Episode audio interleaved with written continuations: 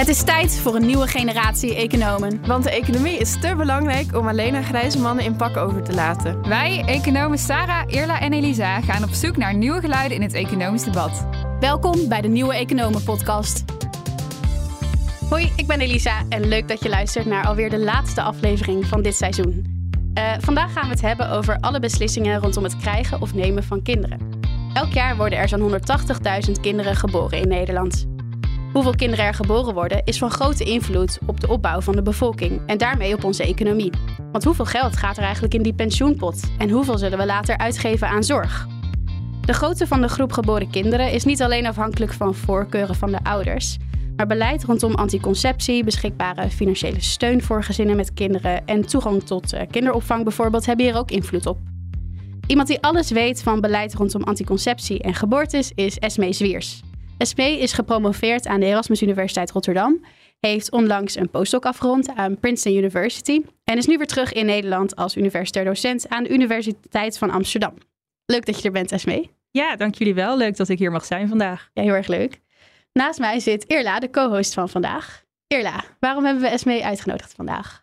Economen zijn heel veel bezig met vergrijzing. En ik denk dan eigenlijk als eerste aan naar de bevolking die steeds ouder wordt. We leven steeds langer. Uh, maar net zo belangrijk is natuurlijk het gegeven dat uh, de mensen nu minder kinderen krijgen dan vroeger. Uh, dus ik ben heel benieuwd wat de invloed is van economisch beleid op het krijgen van kinderen. En ja, waarom mensen wel of niet kinderen nemen. En ook op wat voor toekomst we ons nu moeten voorbereiden. Is de verwachting dat er later nog minder kinderen worden geboren? Of stabiliseert dat zich? Oké, en je had het net over dat er iets minder kinderen worden geboren. Hoe zie, zie je dat ook al terug in de bevolkingsopbouwcijfers? Ja, dat zie je al wel redelijk terug. Dus tot 1975 had Nederland heel duidelijk een bevolkingspyramide. Dat betekent dat er veel meer kinderen werden geboren dan dat er ouderen waren. En uh, nu is dat niet meer zo. Het is nu meer een soort van urn. Er zijn meer mensen van 60 dan van 30. En er zijn weer meer mensen van 30 dan echt uh, kinderen. Dus over een tijdje gaat dat eruit zien als een uh, O misschien? Of een, um, in, de ja, in de plaatjes van de, het CBS leek het wel redelijk uh, dezelfde vorm te behouden. Dus inderdaad die, die urn, urnvorm. Oké, okay, nou we gaan het zien. laten we eerst eens kijken naar wat de omstandigheden rondom iemands vruchtbare jaren voor invloed hebben op mensen een beslissing om kinderen te krijgen of niet. Esme, een van jouw onderzoeken kijkt naar de effecten van de crisis in de jaren 30, ook wel de Great Depression genoemd, en de Tweede Wereldoorlog op het krijgen van kinderen. Zien we nou een grote dip in het aantal kinderen dat geboren wordt in die tijden? Ja, dat is een uh, hele goede vraag. En uh, het is goed ook om te noemen, voordat we echt gaan kijken naar het geboortecijfer, dat geboortes eigenlijk procyclisch werken. En dat betekent dat je eigenlijk ziet dat in goede economische tijden dat er meer kinderen geboren worden en dat in slechte economische tijden daar er minder kinderen geboren worden. Dat zien we in het algemeen? Dat zien we in het algemeen, ja. En dat heeft te maken met twee effecten. Dus ze zeggen altijd dat kinderen een soort ja, durable good zijn je hebt dus ook een hele bekende econoom, Gary Becker. En uh, die houdt zich ook heel, heel, erg hiermee bezig met de theorie hierachter. En dan zegt hij van, nou, als het gaat om de beslissing uh, om, om, kinderen te krijgen, voor hoever dat natuurlijk een beslissing is, worden kosten en baten tegen elkaar afgewogen.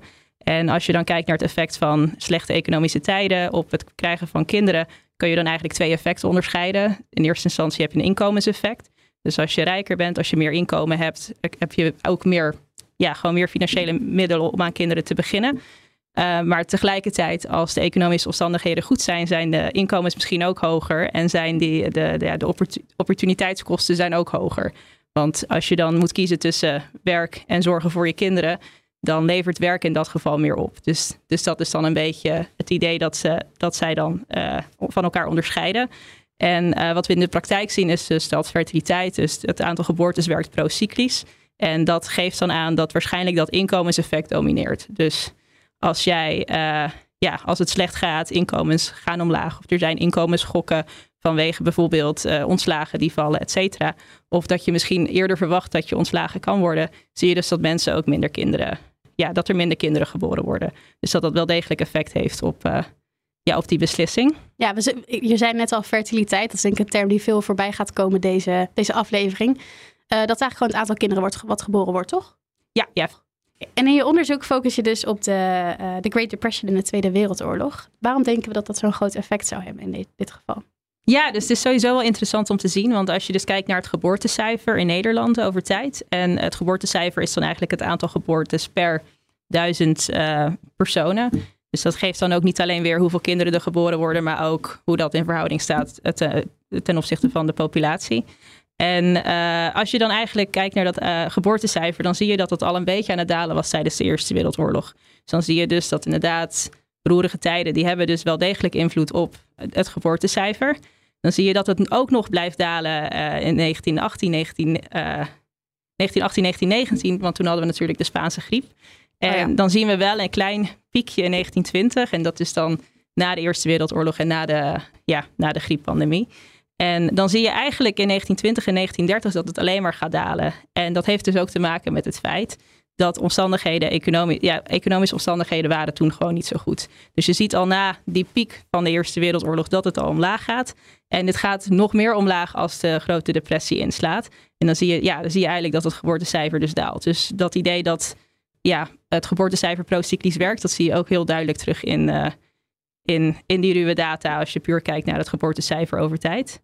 Dat lijkt me de grote vraag hier natuurlijk is, komt van uitstel afstel, nou, afstel. En als het dan maar heel kort duurt, zo'n roerige tijd, dan kan ik me voorstellen dat mensen gewoon een paar jaartjes later kinderen nemen. Maar als zo'n roerige tijd uh, tien jaar duurt, dan kan het misschien niet meer.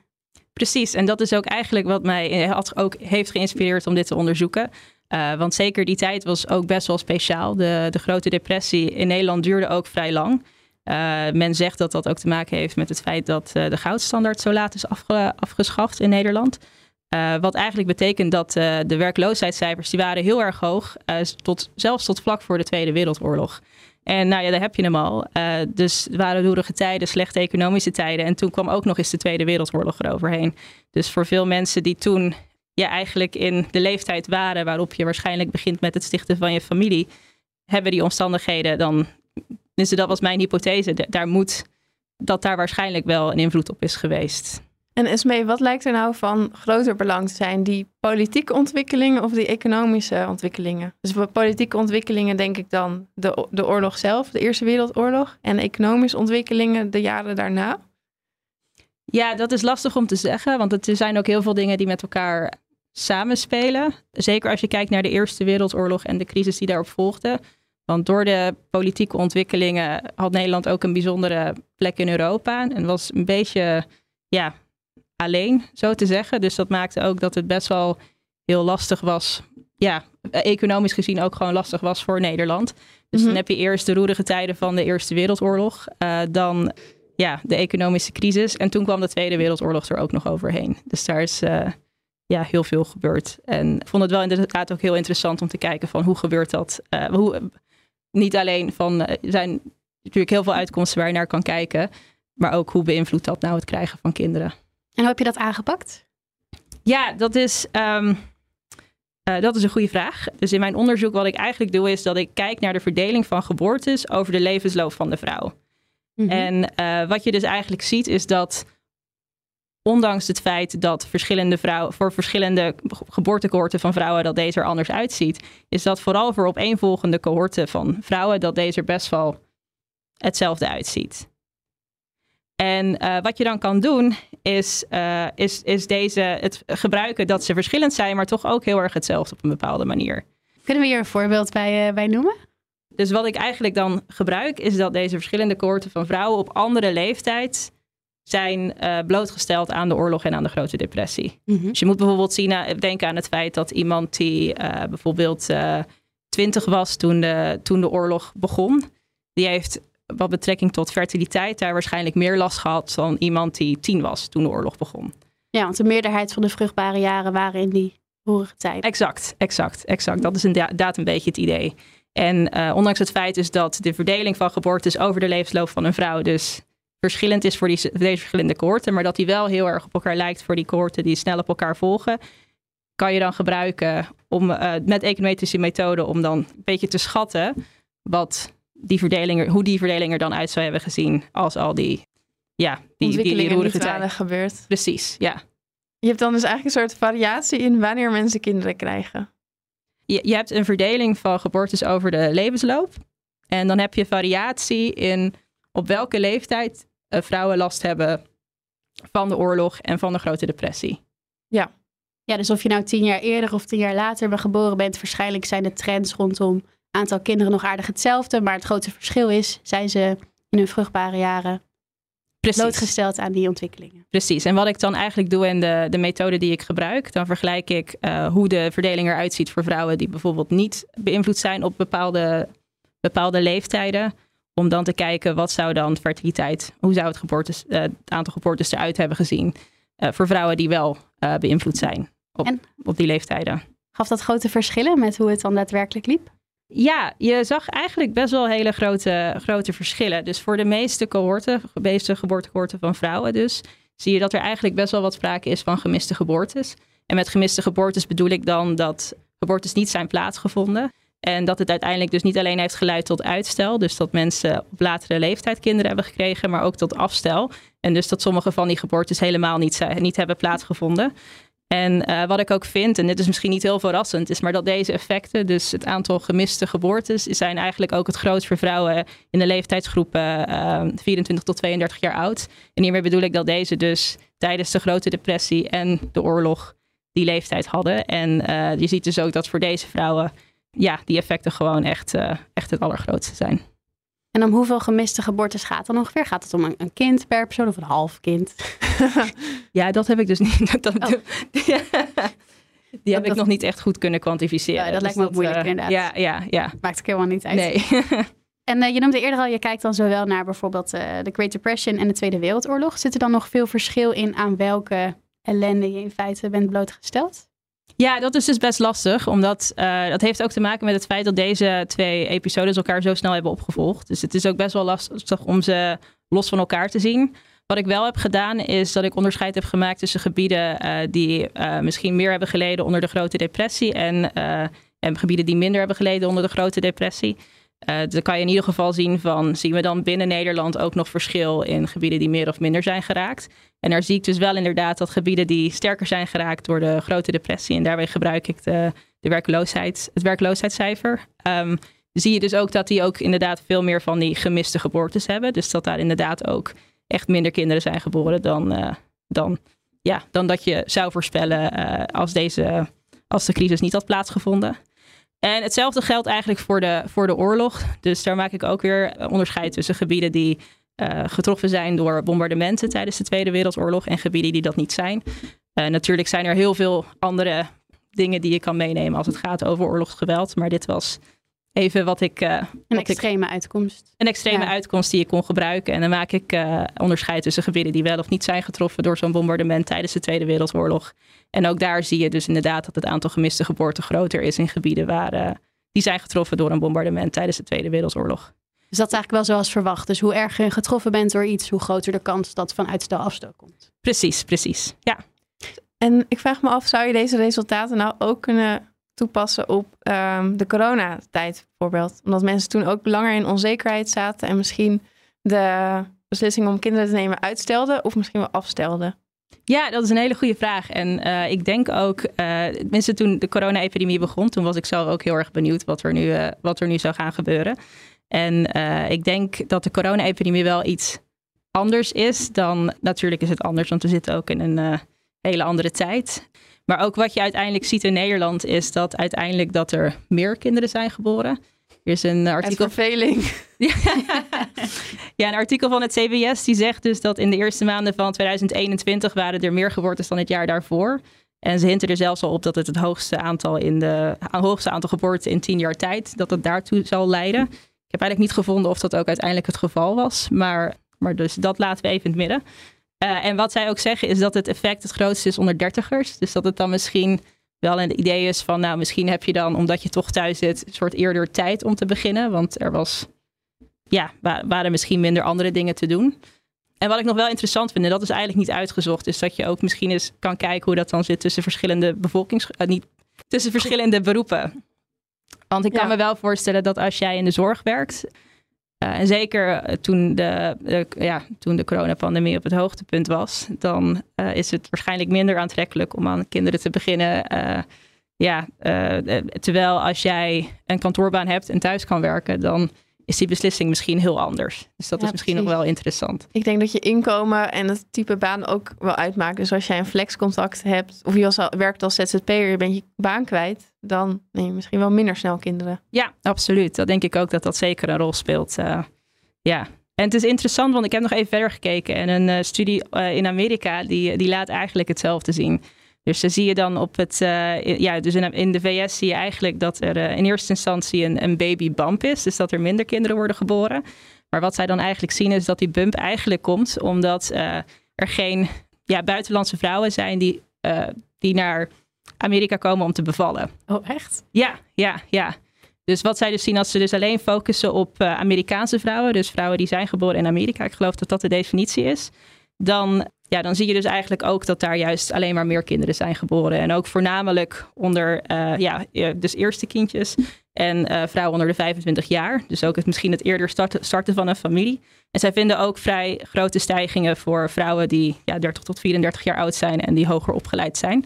Dus daar zie je ook een beetje dezelfde patronen. Hm. Ben ik wel benieuwd of dat dan doorcijpelt naar de laatste jaren. Want de coronacrisis was natuurlijk relatief gezien niet zo lang als bijvoorbeeld de Great Depression. Um, maar als mensen dan nu meer kinderen hebben gekregen in dat ene jaar, dan is het een beetje andersom. Is het dan in plaats van dat ze later kinderen krijgen, of denken ze nou, doe er dan nog maar een derde of een vierde bij? Ja, en ik denk dat we dat moeten gaan zien de komende jaren. Ja, ja, ja. Ja. Over Amerika gesproken. Ik las dus ook over een Amerikaans onderzoek dat het juist omdraait. Dus die uh, kijken eigenlijk of zwangerschappen een voorspeller zijn van de recessie. Um, dus eigenlijk dat het aantal, ze zagen dat het aantal zwangerschappen uh, net voor een recessie al begint af te nemen. Omdat mensen toch wat onzekerder zijn over de economie. Zou je dit ook in, in jouw data kunnen zien? Of heb je dan, want deze onderzoekers keken eigenlijk naar uh, zwangerschapstesten.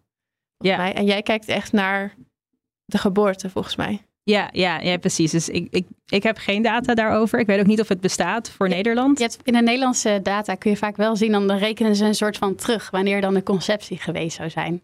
Ja, ja dat, dat kan inderdaad wel. Ja, ja. Wat ik wel, want ik vind het ook een heel interessant idee dat je dan aan, de, aan, de, ja, aan het aantal zwangerschapstesten wat wordt verkocht, dat je kan zien hoe de conjunctuur gaat. Maar als je denkt over de, ja, de theorie achter nou ja, als je dus de, het, het, krijgen van kinderen formaliseert in een economisch model, dan gaat het toch altijd over kosten en baten. En dat mensen dan een afweging maken afhankelijk van economische omstandigheden of dingen die er gebeuren. Dus dan zou ik wel altijd denken van, nou ja, als mensen dus een, ja, als dit dus samenhangt met, met de conjunctuur of, of met hoe de economische situatie is, zou je ook verwachten dat mensen dan de beslissing om wel of niet aan kinderen te beginnen, dan ook af zouden laten hangen van bepaalde factoren.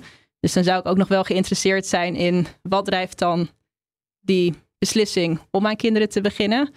En zijn dat, is dat dan een andere input dan die je ja, ziet in de, de, economische statistieken die we, die we misschien dan vaker gebruiken? Ja, of die ouders to be, die zijn gewoon betere voorspellers van economische crisis dan economen zelf. Precies, maar dan moeten we wel eigenlijk weten, wat, wat nemen zij dan mee in die beslissing? Ja, wat economen niet mee, meenemen. Want dat liet het onderzoek inderdaad zien, dat mensen zelf al voordat economen zeggen er komt een recessie aan of er is een recessie, dat ze dan al minder snel aan ja. kinderen beginnen.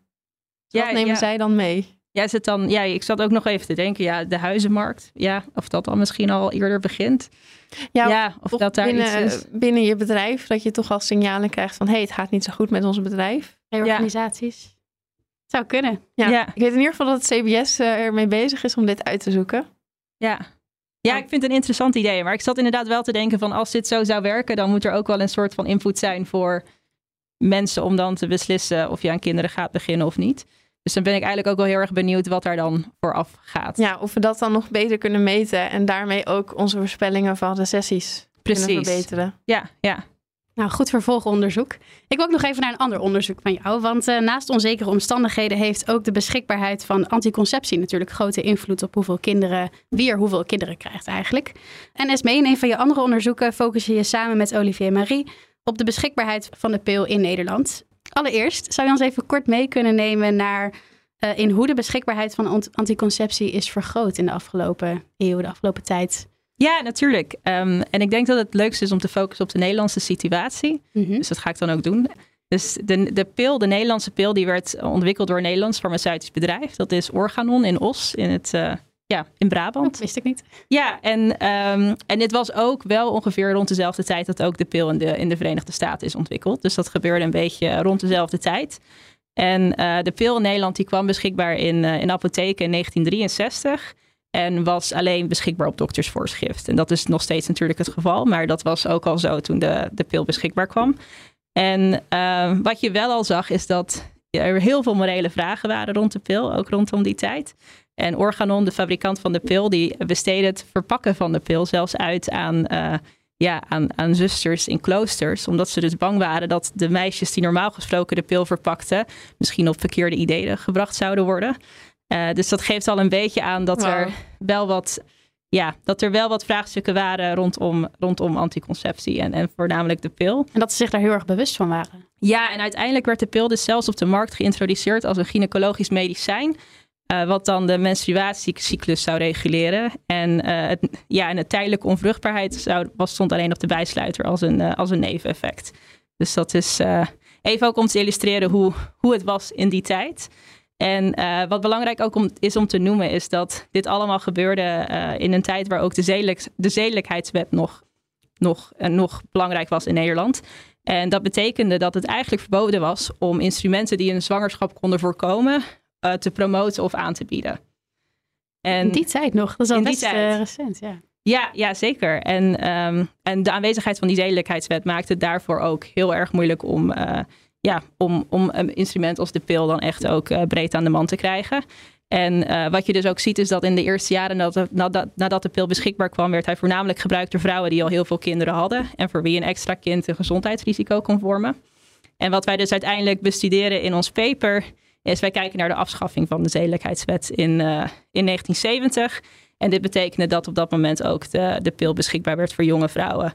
En uh, dit werd eigenlijk, de beschikbaarheid werd, of de toegankelijkheid werd alleen nog maar meer vergroot. toen ook in 1971 de pil werd opgenomen in het ziekenfonds. Want was het dan daarvoor dat hij, niet, uh, dat hij niet voor iedereen beschikbaar was? Of was het simpelweg dat niet iedereen ervan wist dat hij bestond? Ja, dus dat is, dat is lastig om precies te zeggen. Dus ja, we zien wel echt dat die afschaffing van de zedelijkheidswet, dus wat je leest, dan staat er echt van: oké, dus daarna werd de pil beschikbaar voor iedereen.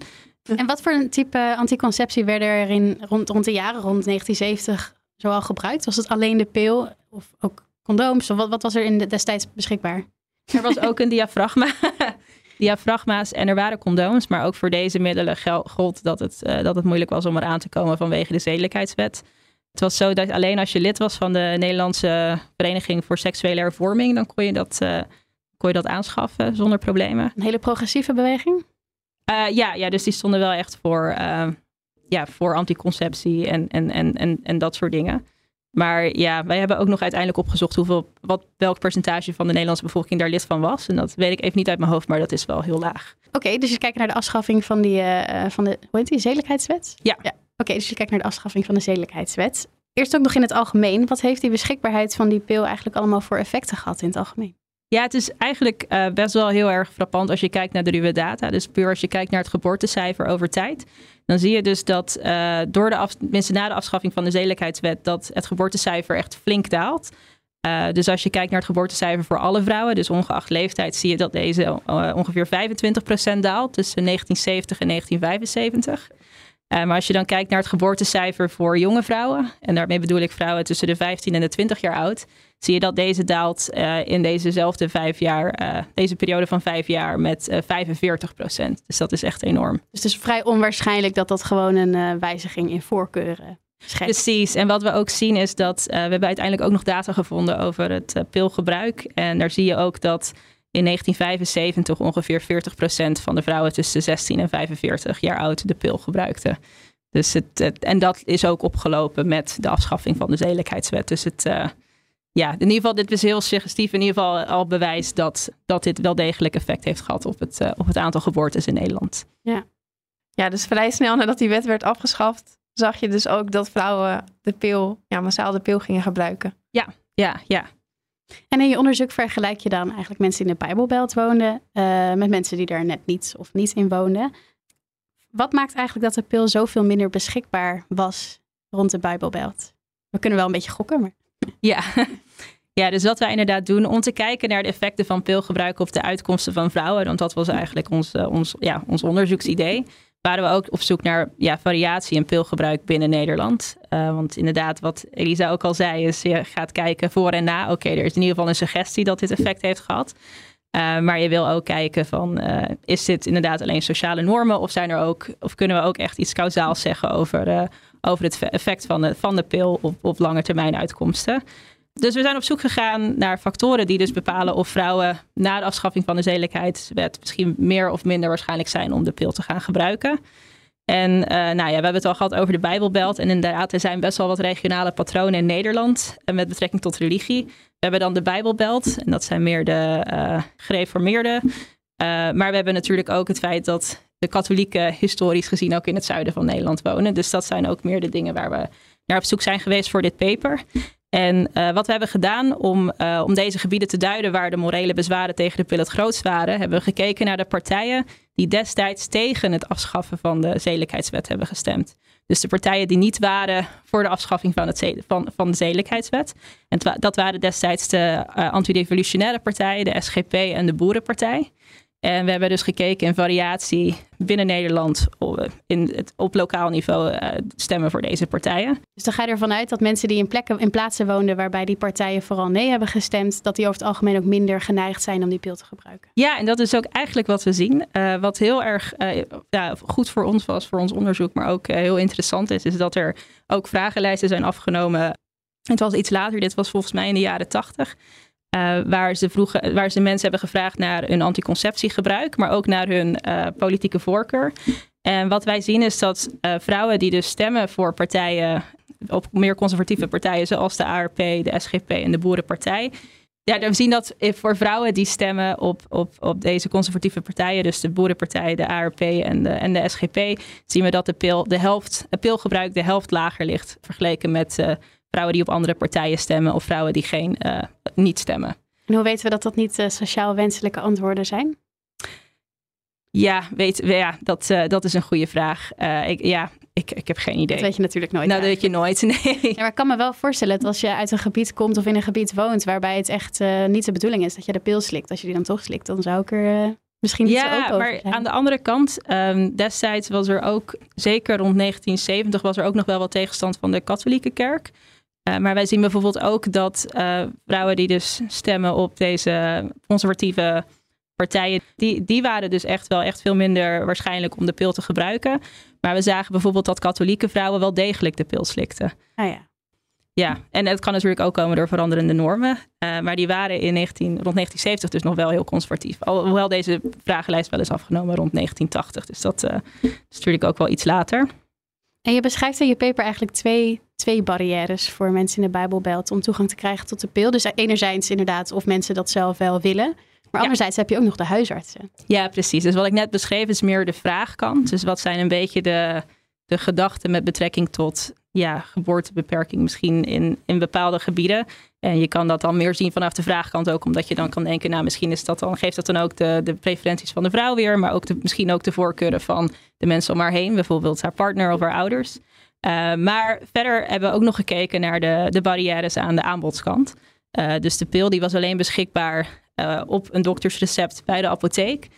wat dus betekent dat je ook mensen hebt die je toegang tot de pil moeten verschaffen. En uh, gelukkig waren er nog meer onderzoeken, ook uit 1970, die ook hebben gekeken naar de, naar de, de, de meningen van, van huisartsen ten opzichte van uh, anticonceptie. En uh, wat wij ook zagen daarin is dat gereformeerde en katholieke huisartsen meer morele bezwaren hadden tegen het gebruik van de pil in 1970. En zij waren zelfs drie keer minder waarschijnlijk om de pil voor te schrijven aan, aan ongetrouwde vrouwen. Zo. Dus die morele bezwaren onder ja, uh, huisartsen met, ja, die, die katholiek of gereformeerd waren, die waren gewoon echt, die waren veel hoger dan onder uh, huisartsen met een andere geloofsovertuiging. Dus enerzijds stap je eigenlijk al minder snel naar de huisarts misschien. En als je dan eenmaal bij de huisarts zit, dan is er ook nog eens een kleinere kans dat hij hem voorschrijft. Precies, dat kan heel goed zo zijn. Ja. ja. Weet je ook hoe dat nu eigenlijk zit met morele bezwaren tegen de conceptie, anticonceptiepil in de Bijbelbelt? Is dat beter geworden?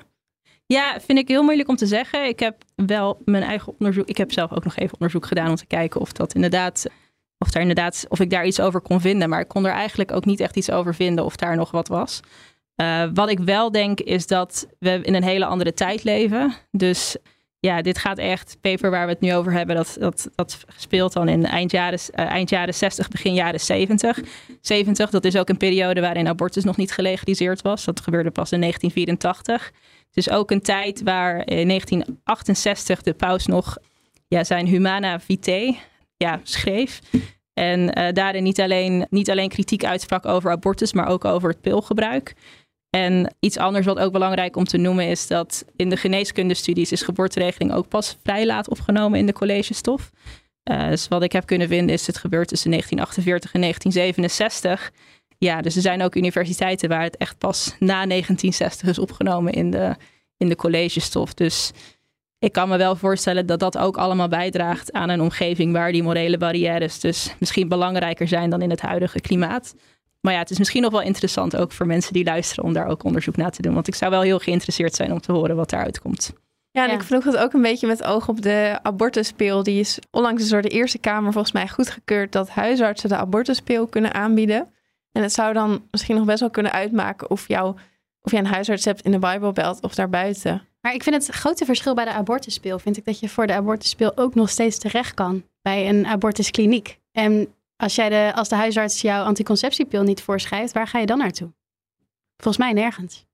Ja, ja ik denk dat dat inderdaad ook wel een, uh, ja, een belangrijk verschil is. En, en wat wij ook zien in ons onderzoek is dat we wel zien dat uh, vrouwen die op jongere leeftijd toegang kregen tot de pil in gebieden met minder morele barrières zien we dat zij minder vaak moeder werden voor een 21ste verjaardag, minder vaak trouwden voor een 21ste verjaardag, uh, meer waarschijnlijk waren om geneeskunde en rechten te gaan studeren. En zij werkte ook vaker rond hun 50ste in banen met hogere inkomens. En we zien ook dat zij rond hun 60ste ook hoger in de vermogensverdeling zitten. Dus dat, dat was bij mensen die niet in de Bijbelbelt woonden. Ja, voor vrouwen die in, in minder conservatieve gebieden woonden. Doet me ook heel erg denken aan het onderzoek van Donoghue en Levitt in Freakonomics. Ik weet eigenlijk niet of het een eigen onderzook is, maar zij schreven erover.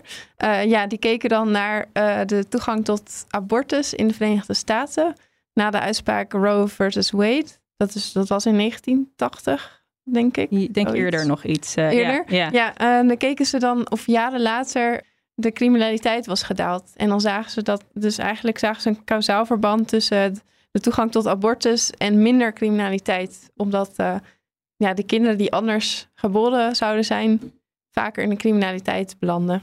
Ja, precies. En dat is ook een beetje het idee, uh, wat wij ook vinden in onze, in onze resultaten. Is dat je dus inderdaad ziet dat ja, je voorkomt eigenlijk ongeplande geboortes. En ja, dit heeft dan positief effect op de vrouw. Want als je niet vroeg moeder wordt, dan heb je meer tijd om in je, in je onderwijs te investeren. En je hebt misschien ook iets meer tijd om een carrière te bouwen. Maar wat ook betekent dat als je op latere leeftijd een, een kind krijgt, dat je misschien ook financieel stabieler bent. En daar, uh, ja, en ja, dat dat dan ook weer effecten heeft uh, op de volgende generatie. Het is dan ook al mogelijk om naar die intergenerationele effecten te kijken? Ja, dat willen we ook zeker gaan doen. Dus dat, uh, dat is het volgende paper. Okay wat, uh, wat we gaan schrijven. Hey, ik heb nog een vraag over de uitkomsten. Want jullie vergelijken natuurlijk dus mensen die in de Bijbel, Bijbelbelt wonen, vergeleken met niets. En je zei, oké, mensen die er niet in wonen, die hadden over het algemeen positievere uitkomsten op latere leeftijd. Zien we dan nog wel enig verschil bij mensen die in de Bijbelbelt wonen? Gewoon als je kijkt naar de beschrijvende statistieken? Ja, dat hebben we eigenlijk niet gedaan. ja, Goeie vraag. ik ben wel benieuwd eigenlijk. Ja, ja, ja.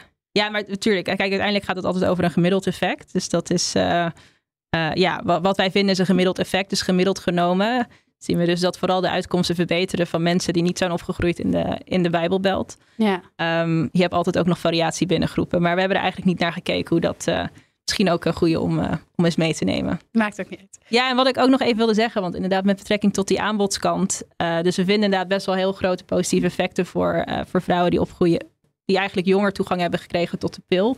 En dus ook in die minder conservatieve gebieden wonen. Maar we zien dus ook uiteindelijk dat in gebieden waar het moeilijker was om een huisarts of apotheker te vinden die geen morele bezwaren had tegen de pil, zien we eigenlijk dat al deze effecten weg zijn. Dus dat geeft ook maar weer aan dat, dat het heel belangrijk is wie jouw toegang tot anticonceptie kan. En met al deze effecten bedoel je uh, dat ze vaker rechten studeren, dat ze een hoger inkomen hebben, et cetera. Dat vind je niet in de meer conservatieve gebieden. Ja, dus waar het moeilijker was om een huisarts of apotheker te vinden die die morele bezwaren niet had, daar zie je dus dat die effecten naar nul gaan. Ja, best een tragisch idee. Maar zo makkelijk kun je ook niet wisselen van huisarts bijvoorbeeld. Dat roept toch wel vaak vraagtekens op. Je moet ook naar een huisarts binnen je postcodegebied. Ja, dat volgens klopt. mij. En in Amsterdam heb je dan nog best wel veel keuze. Maar in het dorpje is er dan maar één keuze. De staphorst valt er denk ik wel tegen. Ja, ja, ja. Hm. Ik zou ook nog wel graag even de lijn willen trekken met het huidige beleid. Uh, want een van de beleidsdiscussies die er op dit moment uh, een beetje rondzinkt, is of de anticonceptiepil of anticonceptie in het algemeen uh, niet gratis zou moeten worden. Want interessant is dat de meerderheid van de Nederlandse vrouwen, ongeveer 76 procent, gebruikt een bepaalde vorm van anticonceptie. Maar bij de meeste van deze anticonceptiemethoden komen gewoon kosten kijken. Dus bijvoorbeeld de pil, die wordt dan nog relatief veel gedekt. Voor vrouwen onder de 18 wordt hij volledig gedekt. Tussen de 18 en de 21 uh, valt hij onder je eigen risico. Maar boven de 21 wordt hij gewoon helemaal niet vergoed. Daarnaast verschillen er ook nog kosten per anticonceptiemiddel. Dus misschien het middel wat het beste bij je past, wordt misschien helemaal niet vergoed. Um, als ik hier gewoon ook economisch over nadenk, want hier kunt u natuurlijk heel veel principiële dingen over zeggen. Uh, Esmee, wat, wat, wat, in hoeverre zou dan voor jou de anticonceptiepil gratis beschikbaar moeten zijn voor iedereen? Ja, dit is toevallig wilde ik zeggen, maar misschien ook niet zo toevallig. Want ik heb uh, laatst een rapportje geschreven samen met uh, Nadine Ketel en Wendy Janssens van de Vrije Universiteit. Voor bureau Clara Wigman. En bureau Clara Wigman is op dit ook moment bezig met een rechtszaak tegen de staat om, om, te, om te kijken of anticonceptie opgenomen kan worden in het, in het basispakket. En wat wij hebben gedaan is wij hebben gekeken naar de economische literatuur om te kijken wat zegt de literatuur nu echt over ja, over het effect van de kosten voor, het moeten betalen van, uh, voor anticonceptie op het, gebruik, eh, op het gebruik, maar ook op de latere levensuitkomsten van vrouwen. En dit is ook, uh, we hebben ook op basis van ons rapport een stuk in het, voor het ESB geschreven. Dus dat kan je dan misschien ook lezen. -hmm. Ja, de kosten van anticonceptie die lijken vrij laag. Dus inderdaad, als je kijkt naar de kosten van de pil, dan kan je denken van, oh, maar dat is eigenlijk heel weinig. Tientje uh, per maand ongeveer. Precies, precies. Dat is eigenlijk heel weinig. Uh, maar wat dus wel blijkt als je kijkt naar verschillende peilingen, is dat het wel degelijk het gebruik beïnvloedt van sommige vrouwen en vooral van vrouwen die minder te besteden hebben. En uh, hetzelfde geldt voor je voorkeursmiddel, waar je dus eigenlijk ziet dat, nou ja, uit een peiling blijkt ook dat best wel veel vrouwen dus niet het middel van hun voorkeur gebruiken. En dat is misschien ook wel te verklaren, want als je nadenkt over het feit dat ja, bijvoorbeeld uh, de, het spiraaltje.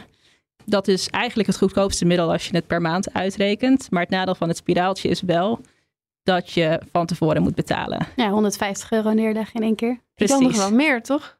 Nee. Ja, het hangt er volgens mij ook vanaf waar je hem laat plaatsen. Want als je hem wil laten plaatsen bij een gynaecoloog, betaal je volgens mij ook nog extra. En hij moet misschien nog gecheckt worden door een gynaecoloog. Neemt dat brengt allemaal kosten met zich mee. Ja, en je kan je best voorstellen dat als jij beperkte financiële middelen hebt, dat dit gewoon een hele grote uitgave is uh, uit je budget en dat je dat niet, niet zomaar kan betalen. Uh, dus, dus dat is, ja, daarom denk ik zeker dat het, die kosten maken dus wel degelijk uit. Ja, die het financieel, het, is vooral, vooral beperkt de toegang voor, voor vrouwen die het financieel minder breed hebben. En als je dan verder gaat kijken naar de effecten, um, ja, heeft het ook wel degelijk effecten. Want als je dus ja, geen anticonceptie gebruikt, of als je misschien minder effectief anticonceptie gebruikt, kan dit natuurlijk weer leiden tot ongeplande zwangerschappen en ongeplande geboortes. En uh, het is dan ook belangrijk om te noemen dat als je hier kijkt ook naar de verschillen tussen man en vrouw, is dat de kosten van een zwangerschap ook nog altijd voornamelijk worden gedragen door de vrouw. Dus dit is bijvoorbeeld ook gerelateerd aan de child penalty, is wat we vaak noemen in de economische literatuur. Dat laat eigenlijk zien wat er gebeurt met het inkomen van mannen en vrouwen nadat zij een kind krijgen. En je ziet vaak dat voor mannen maakt het niet zoveel uit, maar voor vrouwen zie je vaak dat het inkomen omlaag gaat. En er is ook onderzoek dat laat zien dat uh, deze effecten nog groter zijn als het gaat om uh, ongeplande zwangerschappen. En dat kan je misschien ook wel voorstellen, want als jij, ja, als het helemaal ongepland is, dan moet je misschien nog wel meer dingen regelen voordat het kind geboren wordt. En om dat allemaal in goede banen te leiden. Daarnaast laten mijn eigen onderzoek, maar ook meerdere onderzoeken in de VS zien dat vrouwen meer onderwijs genieten en het beter doen op de arbeidsmarkt als zij ja, beter de toegang hebben tot anticonceptie en dus ook beter hun, uh, hun geboortes kunnen plannen. Uh, dus dat maakt ook dat dus de uitkomsten van vrouwen in ieder geval beter zijn als je wat meer controle hebt over je, ja, over je fertiliteit. En daarnaast weten we ook, zoals Irla ook al zei, oh, met, het, uh, met de studie van Levitt en Donahue, dat deze effecten ook kunnen doorwerken over verschillende generaties. Dus uh, ja, goed beschikbare anticonceptie zorgt er bijvoorbeeld voor, dat laat onderzoek zien, dat kinderen opgroeien in meer stabiele gezinnen. Maar ook dat kinderen minder vaak opgroeien in armoede. Er zijn heel veel argumenten. Uh, het antwoord is ja dus eigenlijk, volgens jou? Dus ja, nee, ja gratis uh, anticonceptie biedt dus een kans om een visuele cirkel te, te, doorbreken. Waarin financieel kwetsbare vrouwen minder toegang hebben tot anticonceptie. Een grotere kans hebben op ongeplande zwangerschappen daardoor ook minder onderwijs genieten, ook ten opzichte van mannen. Uh, minder inkomen genereren en waarbij hun kinderen ook vaker opgroeien in armoede. Ja, ik denk dat het daarnaast, want wij hebben in de economie natuurlijk best wel veel prikkels, financiële prikkels, die voordelig uitpakken voor stellen. Dus mensen die samen een huishouden vormen, hebben bijvoorbeeld een goedkoper huis over het algemeen per persoon qua, maandlasten. Maar dit geldt denk ik ook voor anticonceptie. Ik heb ik bezijder door mijn eigen, eigen ervaringen, maar ook die van uh, mensen om mij heen, is dat als je een vaste partner hebt, dan deel je die kosten misschien wel. Maar heb je dat niet, uh, dan is het de vraag of jij iemand. Uh, er was volgens mij een journalist, Milou Delen, die mensen een tikkie ging sturen naar een one-night stand. Ja, dat kan wel, maar het is iets minder gebruikelijk, zou ik toch wel zeggen. Dus ik denk dat het daarin ook wel zou bijdragen aan wat meer gelijkheid. Ja, wat wij ook uiteindelijk vonden, ik weet even het precieze percentage niet meer, maar in ons artikel staat als het goed is ook dat zelfs voor mensen in vaste relaties, dat deze kosten dus ook niet gedeeld worden. Niet hmm. altijd gedeeld worden. De minderheid worden ze gedeeld. Ja, je moet er toch wel zelf mee komen, vrees ik. Uh. Ja, daar ben ik ook bang voor. Ja, ja en uh, wat vind jij, Irla? Ja, ik denk, het lijkt mij ook heel economisch gezien ook logischer om het wel gratis te maken. Omdat de kosten worden dus uh, alleen door vrouwen gedragen nu. Terwijl de baten eigenlijk bij de hele samenleving terechtkomen. En we zien op andere onderwerpen waarbij er heel veel externe, positieve externe effecten zijn, uh, dat we die kosten dan als samenleving dragen. Dus bijvoorbeeld onderwijs, hoger onderwijs. Ja, bij de anticonceptie lijkt me dat dan ook logisch. Ja, zijn er nog argumenten tegen eigenlijk? Nou ja, misschien met oog op de bevolkingsopbouw. Oh ja. Uh, kijk, anticonceptie, zoals Esmee zegt, zorgt er natuurlijk dus wel voor dat er minder kinderen worden geboren. Dus even los van alle morele argumenten en het feit dat ik vind het heel fijn als vrouwen zelf over hun lichaam kunnen beslissen. Maar los daarvan, economisch gezien, zou je dus ook anticonceptie wel duurder kunnen maken. Als je hem zo ver trekt, dan zou je ook kunnen zeggen: ja, maar met de huidige staat van het klimaat is het misschien wel beter als er wat minder mensen geboren worden. Ja, de, de, we neigen er nu juist naar om kinderen economisch, eh, om mensen een economische prikkel te geven om wel kinderen te nemen. Dus ja, anticonceptie is eigenlijk dus niet gratis. Maar als je een kind neemt, dan krijg je wel kinderbijslag, kinderopvangtoeslag, inkomensafhankelijke combinatiekorting. Die wordt dan afgeschaft binnenkort. Uh, en nog meer belastingkortingen. Dus dat doen we wel. Ja, die kostenbaatanalyse vanuit de overheid komt misschien nog niet eens zo positief uit. Uh. Ik denk dat dat ook meer een vraag is van wat zijn de voorkeuren uh, ja, van beleidsmakers. En ja, hoe, hoe werkt dat dan door in, in beleid dat dan wordt gevormd? Ja, gewoon politieke voorkeuren. Ja. Nee, ik wil nog even zeggen dat als we het hebben over zeg maar gratis anticonceptie, dat het ook nog wel goed is om te noemen dat um, ja, onderzoek ook laat zien dat het verbeteren van de arbeidsmarktperspectieven van vrouwen dus niet alleen positief effect heeft op, op hunzelf, maar ook op economische groei en ontwikkeling in het algemeen. Dus, dus dat is ook nog wel even goed om te noemen dat het dus niet alleen gaat over individuele effecten, maar dit komt ook een beetje terug over wat uh, Irla zei over uh, maatschappijbrede positieve effecten, dat, daar, uh, ja, dat het daar ook mee te maken heeft. Dus die moeten we ook meenemen in de overweging. Dat zou ik wel zeggen, ja. ja. Ik ben heel benieuwd wat eh, de politiek hierover gaat besluiten. Uh, Esmee, wat voor onderzoek kunnen we nog van jou verwachten in de toekomst? Nou, ik blijf natuurlijk onderzoek doen naar uh, vruchtbaarheid en hoe deze samenhangt met onder andere arbeidsmarktkansen voor vrouwen. Uh, het is iets waar ik in, in, geïnteresseerd ben en ook wat, wat je verder terug zal zien in mijn onderzoek. Uh, verder doe ik ook nog onderzoek naar uh, ja, de invloed van medicatie voor de mentale gezondheid op, op, en de economische effecten daarvan. Dus ook daar zal ik mee doorgaan. Dus daar kun je ook nog wel een en ander van verwachten.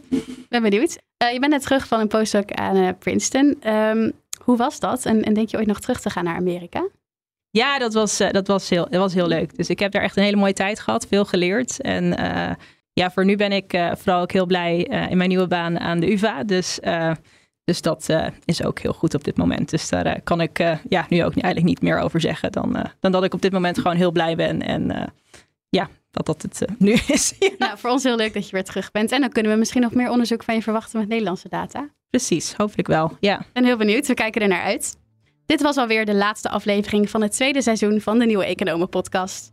Ik wil hierbij graag alle gasten bedanken voor de tijd en kennis. En alle luisteraars natuurlijk bedankt voor het luisteren. Daarnaast ook nog speciale dank aan BNR voor de technische ondersteuning. En aan Rick Leijzen voor de bewerking van deze podcast. En denk je nou, ik wil hier meer van horen? Laat ons dat dan weten.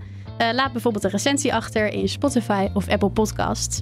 En verder kunnen ook alle complimenten, tips, vragen, opmerkingen, verzoeken, wat dan ook, die mogen allemaal gestuurd worden naar redactie.esb.nu. Ook als je bijvoorbeeld een promovendus weet die je graag wil horen in seizoen 3. En wil je ook op de hoogte gehouden worden van eventuele nieuwe afleveringen in de toekomst? Abonneer je dan op onze podcast in je favoriete podcast-app. Hopelijk tot ziens!